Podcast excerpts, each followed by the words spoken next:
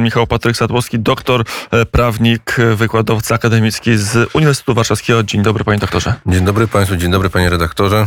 Mm, Głos jest niski, to dobrze, to przynajmniej będzie mm, lepiej nam słuchać. Ym, Pan doktor zajmuje się rosyjskim prawem, rosyjskim państwem. Jak wygląda rosyjskie państwo w dobie mobilizacji? Ten akt, ten dekret, który opublikował e, Władimir Putin, jego kancelaria, jak on się mieści w ramach prawnych Federacji Rosyjskiej?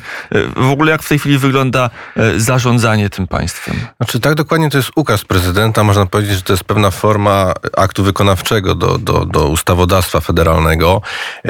Znaczy powiem tak, i tak jak też specjaliści rosyjscy o spraw wojskowości, mobilizacji wskazują, ustawa to jest jedna rzecz, ukaz prezydenta to jest druga, a praktyka y, polityczna to jest trzecia rzecz, a praktyka ta, która wyjdzie już, y, ta wojskowa, to jest czwarta, więc tak naprawdę jesteśmy dopiero w procesie, y, w początkowym i dopiero będziemy widzieć, jak ten proces mobilizacji mm, zachodzi, bo tak naprawdę mm, jesteśmy na takim etapie, kiedy mm, określone osoby fizyczne, tak, obywatele Federacji Rosyjskiej, którzy już służyli w siłach zbrojnych, dostają określone wezwania postawienia się w jednostkach i co trzeba przyznać, że na razie dochodzą też do nas sygnały bardzo wiarygodne, że ta mobilizacja jest częściowo wykonywana bardzo sprawnie, bo już e, samoloty z określonych terytoriów, zwłaszcza wschodniej Rosji, Syberii, Magadanu, Sachali, e, Sachalina, one już poleciały do jednostek. Także to jest bardzo widać błyskawiczna Ale akcja. znaczy, że to było przygotowane wcześniej, czy jednak państwo rosyjskie ma jakieś takie elementy bardzo sprawnego działania i potrafi ukaz jest jednego dnia, drugiego dnia już lecą samoloty z poborowymi do jednostek? Y, Sama dyskusja o konieczności mobilizacji, ona właściwie zaczęła się w środowiskach y, eksperckich, politycznych, wojskowych w Rosji już y, na początku marca, kiedy okazało się, że nie da się tymi siłami, które, którymi rozpoczęto inwazję, m, zająć Ukrainy, bo przypominam Państwu, że mm, siły Federacji Rosyjskiej, które wkroczyły na terytorium Ukrainy, to około 160 tysięcy ludzi. 160 tysięcy ludzi przy tak ogromnym terytorium państwa ukraińskiego, no to jest raczej było niemożliwością, żeby wykonać tą operację mm, skutecznie. Więc wiele osób wskazywało, a zwłaszcza te skrzydło jastrzębi, imperialistów, mocarstwowców, którzy chcieli bardzo szybko Ukrainę pokonać, zniszczyć, że trzeba dokonać mobilizacji, ponieważ bez, bez mobilizacji, czyli takiej wojny sprzed telewizora, no nie da się z Ukrainą realnie walczyć i ta, i ta dysproporcja była i właściwie to, co przewidywali eksperci, też to, co docierało do nas z Rosji, no sprawdziło się, tak? Czy na Kremlu zaczęto mm, intensywnie rozważać i przygotowywać się do przeprowadzenia e, tej częściowej, jak na razie, tak? Częściowa, chociaż to jest tylko z nazwy częściowa mobilizacja.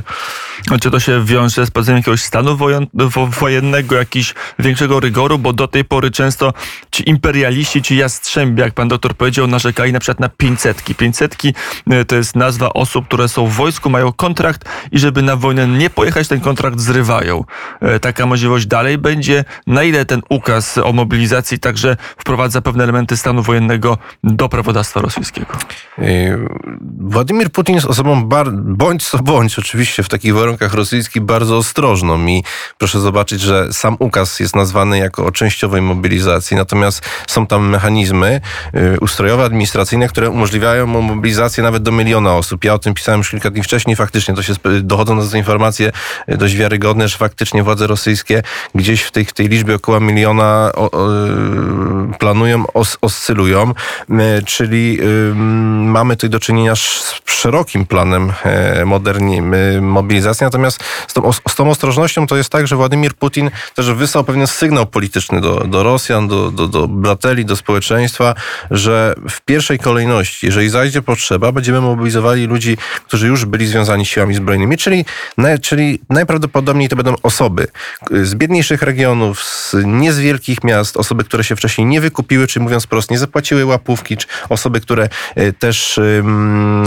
y, osoby nie będą podlegały mobilizacji takie jak pracujące w uniwersytetach, w administracji federalnej, na przykład w spółkach strategicznych. Więc to też jest sygnał do takiej elity państwowej, że na razie, jeżeli będziecie posłuszni, jeżeli nie będziecie sprzeciwiać, to wy nie będziecie mobilizowani. Natomiast na razie tutaj nie ma mowy o, o, o, stanie wojennym, położeniu wojennym, ponieważ to też y, y, bardzo by utru- utrudniło relacje z Zachodem, bo nadal Federacja Rosyjska, Kreml liczy na możliwość negocjacji i nawet pewnego być może zamrożenia tego konfliktu i pewne ruchy widzimy, że takie, takie są wykonywane, bo ta wymiana jeńców również...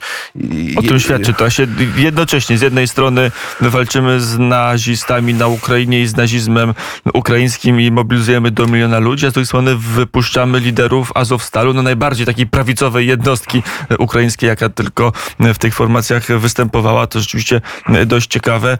Panie doktorze, na ile jest tak, że, że, że w zasadzie w tej chwili Rosja z jednej strony się mobilizuje, ale jak rozumiem cały czas zgodnie z prawem nie jest w stanie wojny. Cały czas trwa stan jakiejś e, wojskowej operacji specjalnej. Tak, bo takie, takie było pierwotne zamierzenie, że my generalnie pacyfikujemy jakieś takie zagrożenie o charakterze terrorystycznym, ekstremistycznym, gdzieś daleko od granic Rosji.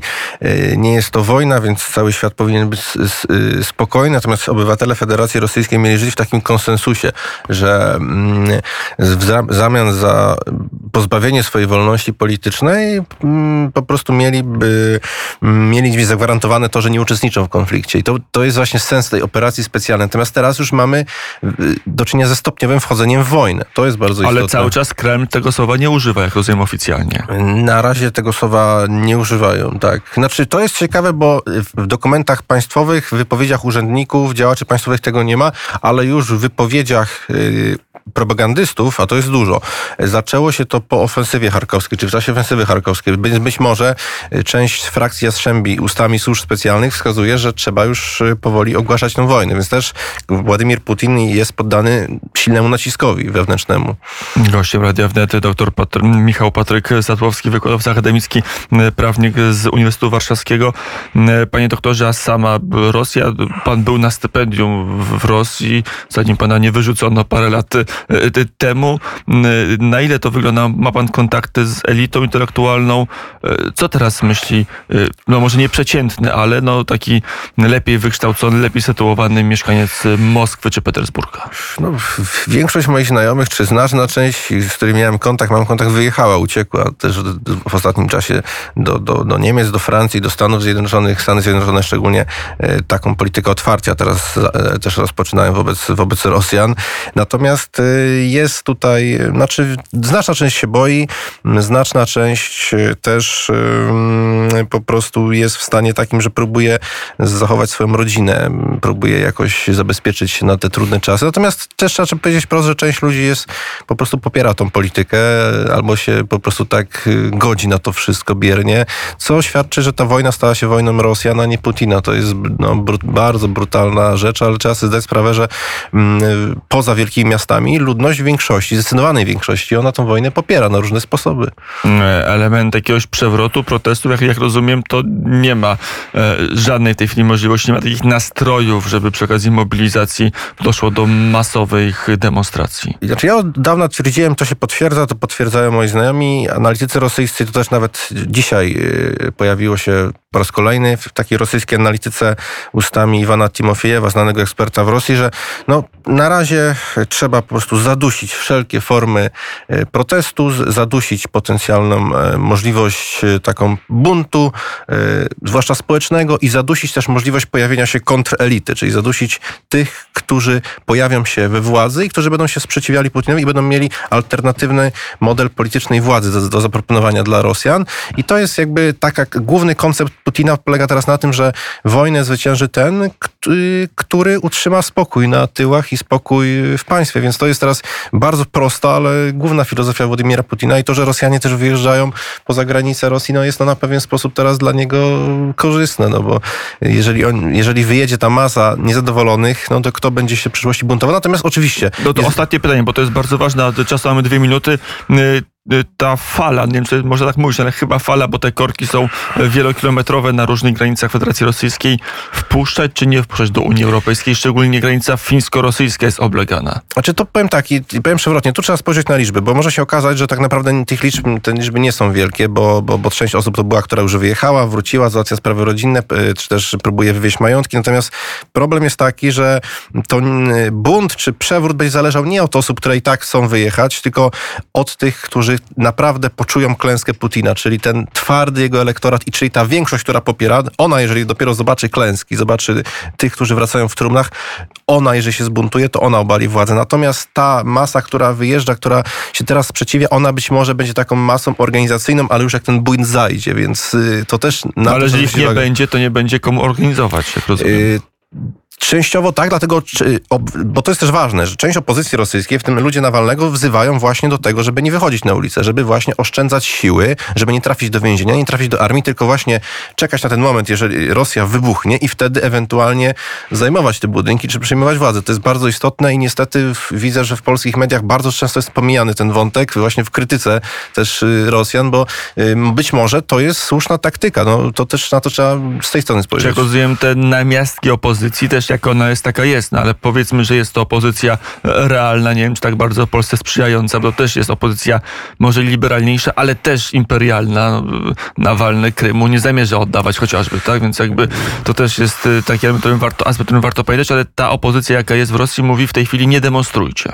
Znaczy ona jest bardziej znaczy, złożona, natomiast tam wydaje mi się ta opozycja silna, ludzie Nawalnego, na przykład Iwan Żdanow wypowiedział, wypowiedział się w ostatnich dniach, że my mm, popieramy wszelkie formy protestu, ale jeżeli chodzi o wyjście na protesty, to my nie zachęcamy. Jest, ale to jeszcze jest jasny sygnał, że my oszczędzamy siły i to jest też logiczna taktyka, bo reżim Władimira Putina działa teraz maksymalnie, żeby y, zniszczyć wszelkie formy protestu, więc faktycznie być może teraz jest, y, nie jest ten moment y, na bu- bunt. Natomiast jeżeli ta sytuacja się pogorszy, szczególnie zimą, wiosną, może to będzie ten czas. Mm, To już na koniec e, wpuszczać czy nie wpuszczać? Wrócę do tego pytania na w granicy, e, bo to chyba tylko na Unię mamy wpływ, czyli głównie granica finla- fińsko-rosyjska. Znaczy, ja zawsze mówię, że na pewno trzeba wpuszczać tych i pomóc tym, z który, którzy, którzy współpracowali wcześniej z Unią Europejską, z, z państwem polskim. Takich osób jest dużo, takich osób, y, takie osoby mają rodzinę i na Ale też ten... Polska wydała przecież kilkaset w tym roku wiz humanitarnych, bo wiz turystycznych nie wydajemy od początku wojny. Tak, natomiast nie, Polska, Polska wydała, natomiast też nie jest to jeszcze proces zakończony. Ja sam znam wiele przypadków, że to jest też proces trudny, bo proszę sobie